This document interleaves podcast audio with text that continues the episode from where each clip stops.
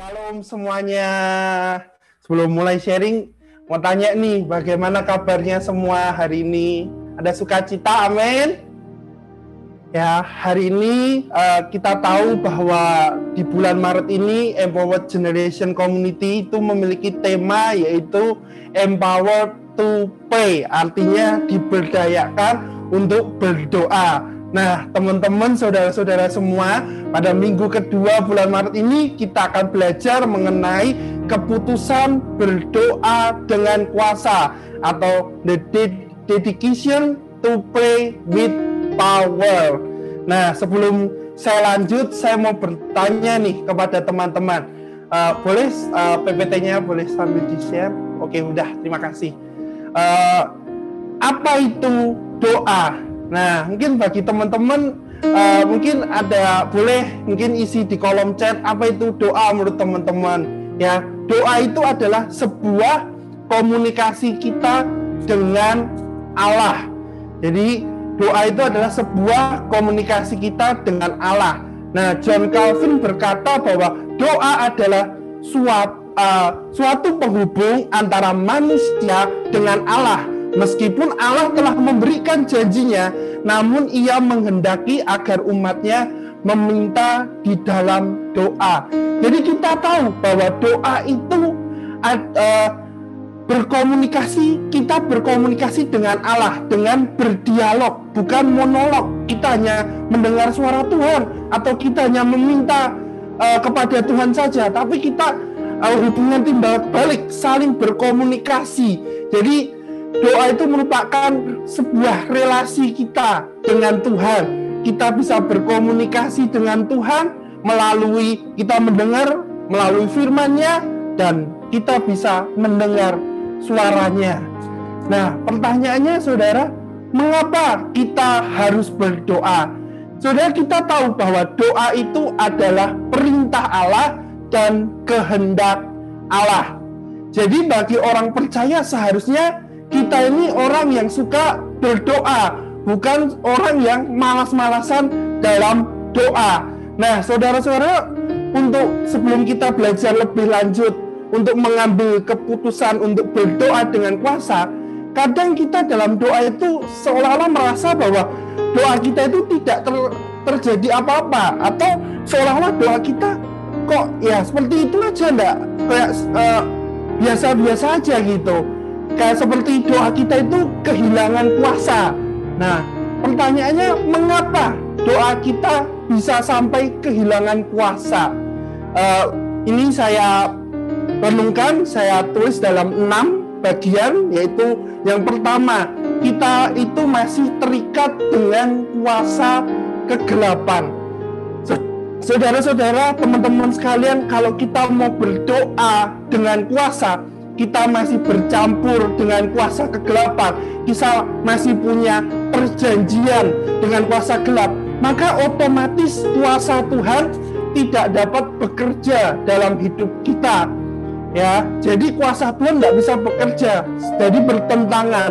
Lalu yang kedua, mengapa kita bisa kehilangan kuasa dalam doa? Yaitu karena dosa. Ya, dosa itu juga penghalang utama kita berdoa. Doa kita uh, berdoa dengan kuasa.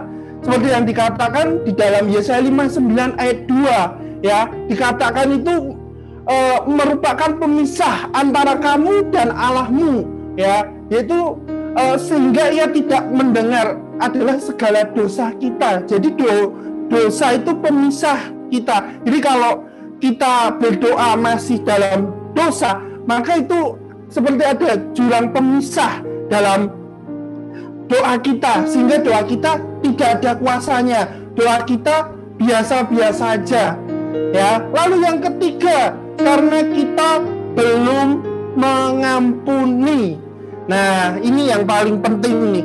Kadang kita uh, berdoa, kita itu masih punya namanya sakit hati, kepahitan, ya padahal di Markus 11 ayat 25 itu dikatakan dan jika kamu berdiri untuk berdoa ampunilah dahulu sekiranya ada barang sesuatu dalam hatimu terhadap seseorang supaya juga Bapamu yang di surga itu mengampuni kesalahanmu. Jadi kalau kita uh, mau berdoa dengan kuasa, kita harus mengampuni ya. Jadi kalau kita belum mengampuni, itu kayak seperti ada ganjalan gitu saudara-saudara. Kayak kita tuh doanya terganjal, kita belum mengampuni.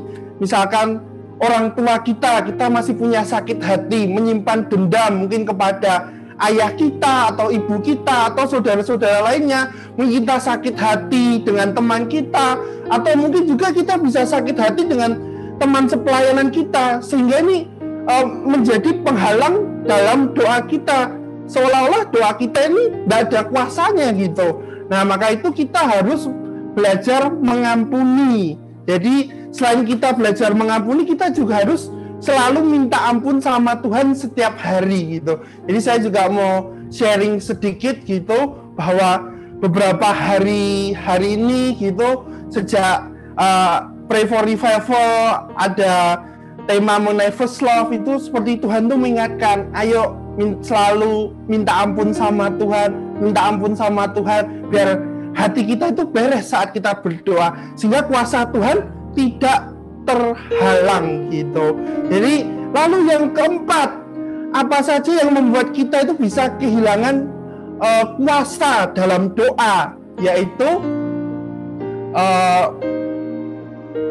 karena kita bimbang, ya, karena kita bimbang. Mungkin kita berdoa, kita udah dapat rema Tuhan, apa yang akan kita doakan, tapi dalam hati kita kita bimbang sama seperti nanti saudara bisa baca di Yakobus 1 ayat 6, seperti kita itu diumbang-ambingkan oleh angin gitu. Jadi kita tidak percaya kalau doa kita akan terjadi. Jadi kita bimbang dalam hati kita, kita tidak yakin bahwa doa kita itu akan ada kuasanya. Jadi saat kuasa Tuhan mau mulai bekerja, tapi kita bimbang. Jadi selama kuasa Tuhan itu tidak terjadi gitu. Nah, lalu yang kelima, mengapa kita kehilangan kuasa dalam doa? Karena berdoa itu sekedar rutinitas. Nah, contohnya kita kan berada di komunitas Empowered Generation ya, di mana setiap Senin ada Empowered Generation Community, lalu setiap Jumat ada Pray for Revival Night dan ada Pray for Revival Morning juga dan besok ada doa semalaman. Mungkin kita berkata, ya udahlah kita sekedar join lah. Nah itu kita berdoa sekedar rutinitas saja. Nggak punya kerinduan sehingga saat kita doa ya kita nggak dapatkan apa-apa. Cuma kita oh ya udah gini aja ternyata ya. Cuma ya kakak itu pujian penyembahan terus doa syafaat ya nggak ada apa-apa karena kita nggak memiliki kerinduan dalam hati kita kita cuma ya udah nih rutinitas mungkin kita di gereja kita uh, ikuti menara doa atau doa pelayan karena sekedar isi absensi saja.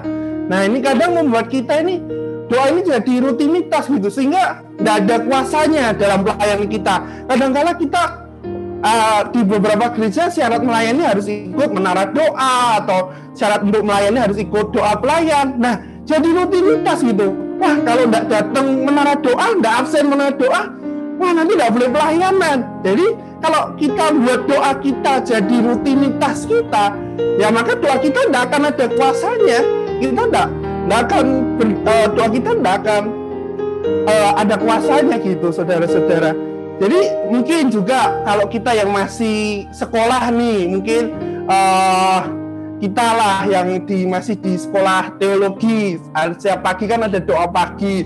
Nah, kita bisa lihat jadikan itu doa sebagai rutinitas atau benar-benar kita ini uh, rindu sama Tuhan, kita memiliki hati mau berkomunikasi sama Tuhan atau kita cuma rutinitas saja. Oh ya udahlah namanya sekolah ya kita doa harus diawali uh, sebelum memulai kuliah atau pelajaran kita harus diawali dengan doa. Nah kan tidak begitu. Jadi uh, kita, uh, doa kita kehilangan kuasa itu karena kita menganggap bahwa doa itu hanya sekedar rutinitas. Nah, yang keenam yaitu mengapa doa kita kehilangan kuasa? Karena kita salah berdoa. Ternyata berdoa itu juga bisa salah loh. Ya, yang seperti yang dikatakan di Yakobus 4 ayat 3 bahwa yang hendak kita minta, doa yang kita minta itu hanya untuk memuaskan nafsu kita, untuk keinginan kita. Jadi doa kita tidak dipusatkan sama Tuhan. Doa kita tidak dipusatkan untuk mencari kehendak Allah, tapi untuk memuaskan hawa nafsu kita. Sehingga ya sama, doa kita tidak ada kuasanya. Ya, jadi kita hari ini, malam hari ini, mari kita cek introspeksi dalam hidup kita. Apakah selama ini kita doa udah mulai kehilangan kuasa enggak? Apakah kita selama ini doa kita merasanya seperti apa? Suam-suam kuku, uh, kayak enggak ada rasanya. Kalau kita uh, bilang tuh enggak ada getarannya gitu, enggak ada gregetnya kita dalam doa kayak ya ya biasa aja gitu, nothing, enggak ada enggak ada yang terjadi apa-apa. Ya, jadi kita cek gitu, apakah enam hal ini tadi kita masih terikat kuasa kegelapan, mungkin kita uh, ada orang tua kita yang ngasih kita jimat, kita masih pegang. Nah itu harus dilepaskan dulu gitu. Kalau kita mau berdoa dengan kuasa, ya kita jangan terikat dengan kuasa kegelapan. Atau hari ini kita nggak bisa berdoa dengan kuasa karena kita dihalangi oleh dosa. Cek dalam hidup kita apa masih nggak ada dosa dalam hidup kita? Dosa perkataan kotor. Kalau kita mau berdoa dengan kuasa, kita terus berkata kotor, berkata-kata binatang, mengujarkan kebencian, fitnah, terutama di media sosial. Ya bagaimana doa kita penuh kuasa? Karena kata-kata yang kita ucapkan itu ya kata-kata kotor, kata-kata binatang, kata-kata yang tidak memuliakan nama Tuhan. Maka bagaimana doa kita akan ada kuasanya. Atau kita masih belum mengampuni. Memang hal belum mengampuni ini tidak mudah loh teman-teman. Memang setiap kita pasti punya pengalaman perjalanan rohani beda-beda dalam mengampuni. Tapi ini harus kita lakukan. Kalau kita mau berdoa dengan kuasa, ya kita harus mengampuni. Mengampuni orang-orang yang nyakiti kita. Mengampuni mungkin orang tua yang membuat kita sakit hati. Sampai sekarang kita tidak bisa move on. Kita masih terpatok sakit hati. Sehingga dalam doa kita ya selalu dipikirkan kepahitan kepahitan amarah amarah.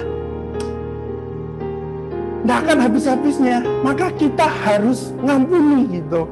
Kadang sekarang masa pandemik kita doa mungkin sering bimbang waduh masa pandemik bagaimana ya pemeliharaan Tuhan waduh masa pandemik ini bagaimana ya merasakan kasih Tuhan gitu. Kita bimbang, Tuhan udah kasih firman.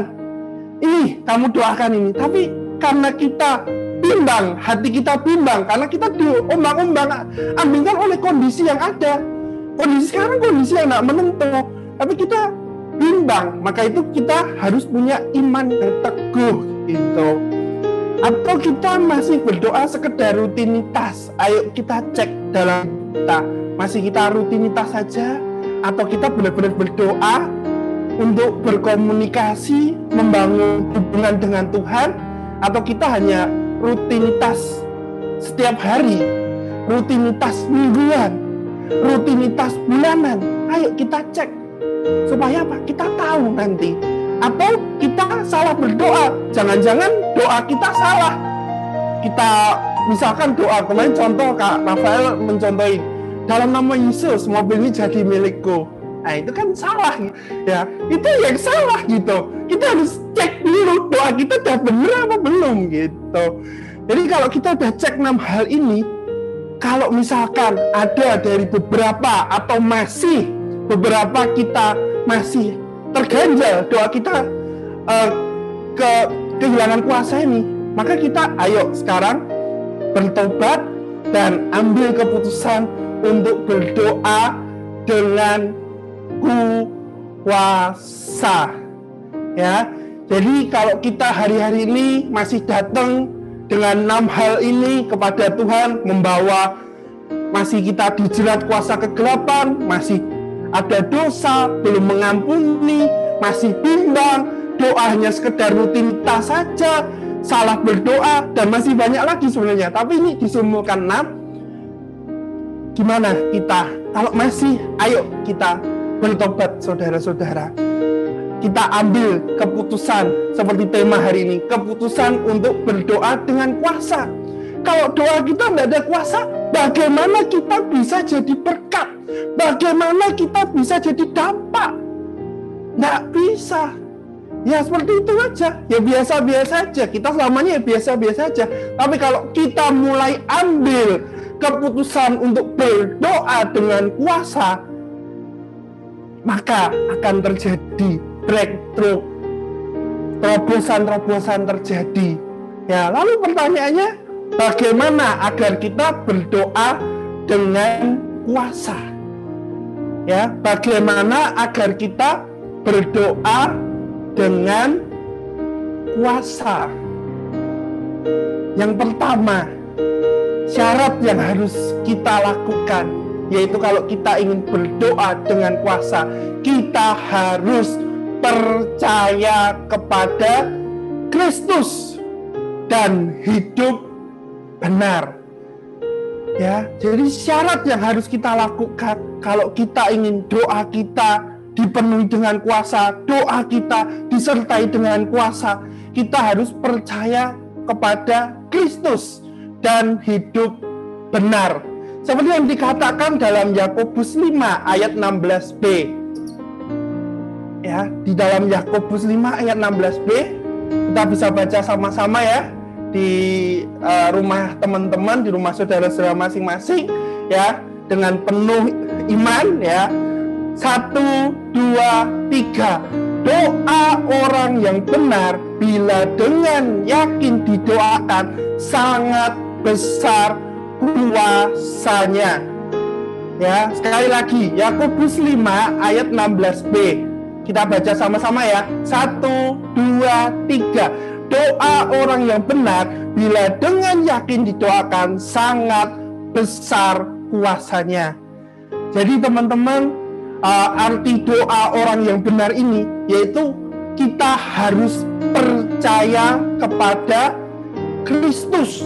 Jadi kalau kita mau doa kita berkuasa punya kuasa, syaratnya kita harus percaya kepada Kristus.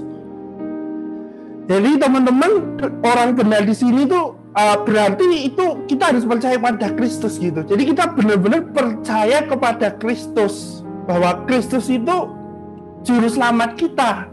Maka kalau kita sudah percaya pada Kristus, wujudnya adalah kita hidup benar dengan tidak melakukan dosa atau hidup sesuai perintahnya.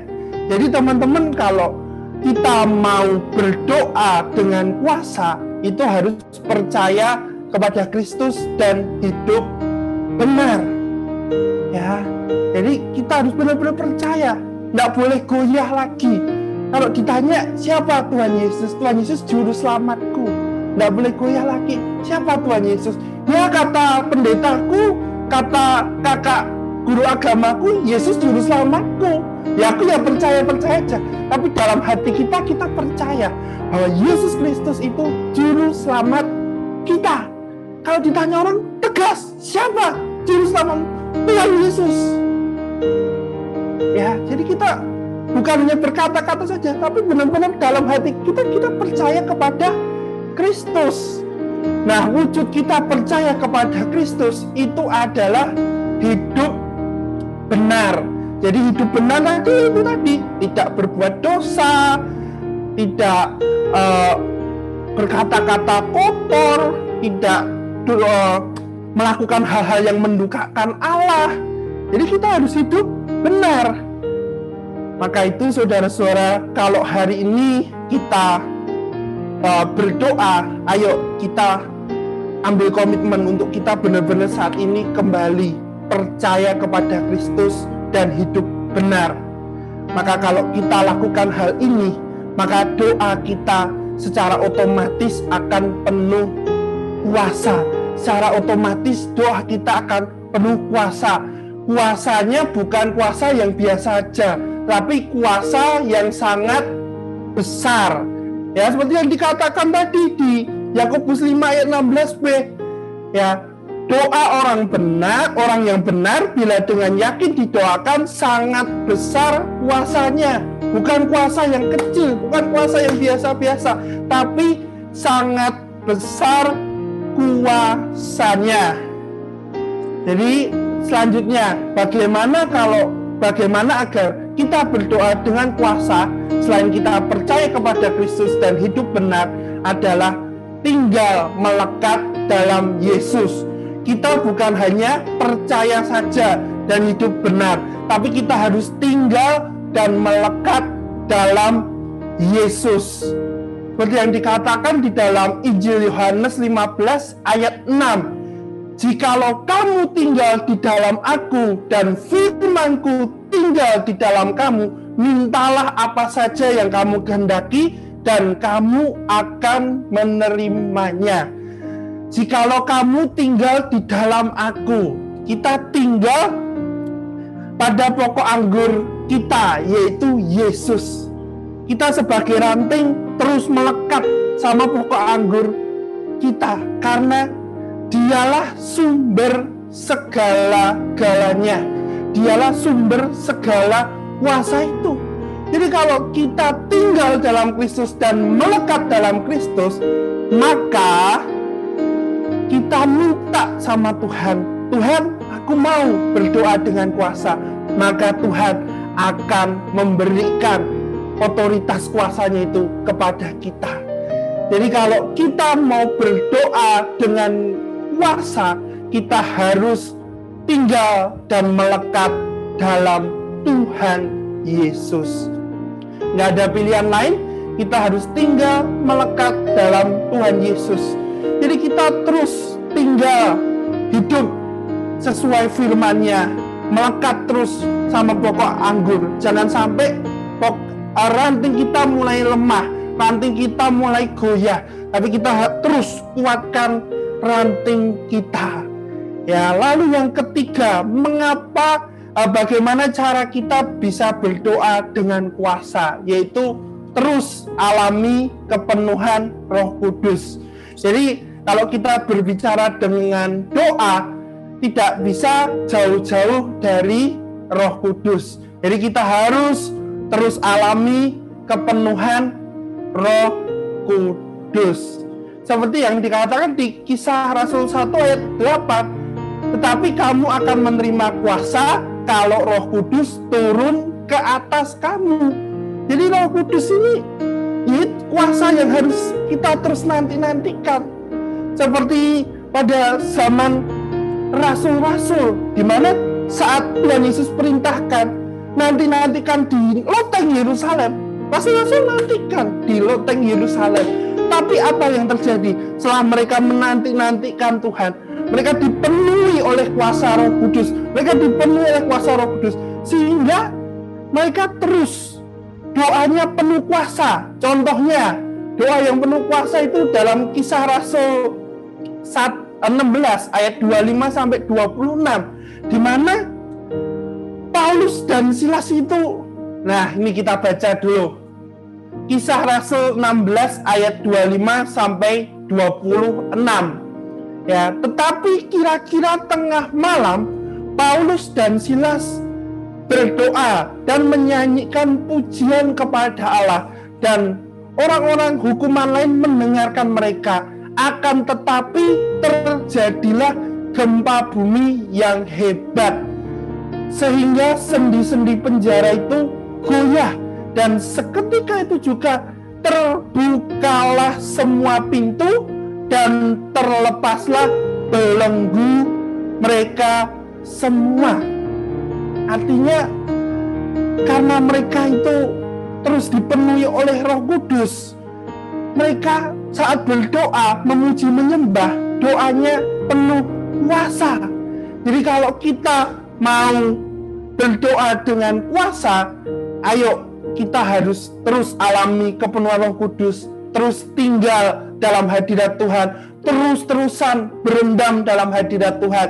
Boleh bersama-sama mungkin uh, melalui Pray for Revival Morning, Pray for Revival Night, bahkan nanti tanggal uh, eh, 12 kalau nggak salah doa semalaman kita terus berendam dalam hadirat Tuhan, minta kepenuhan Roh Kudus, biar doa kita itu penuh kuasa.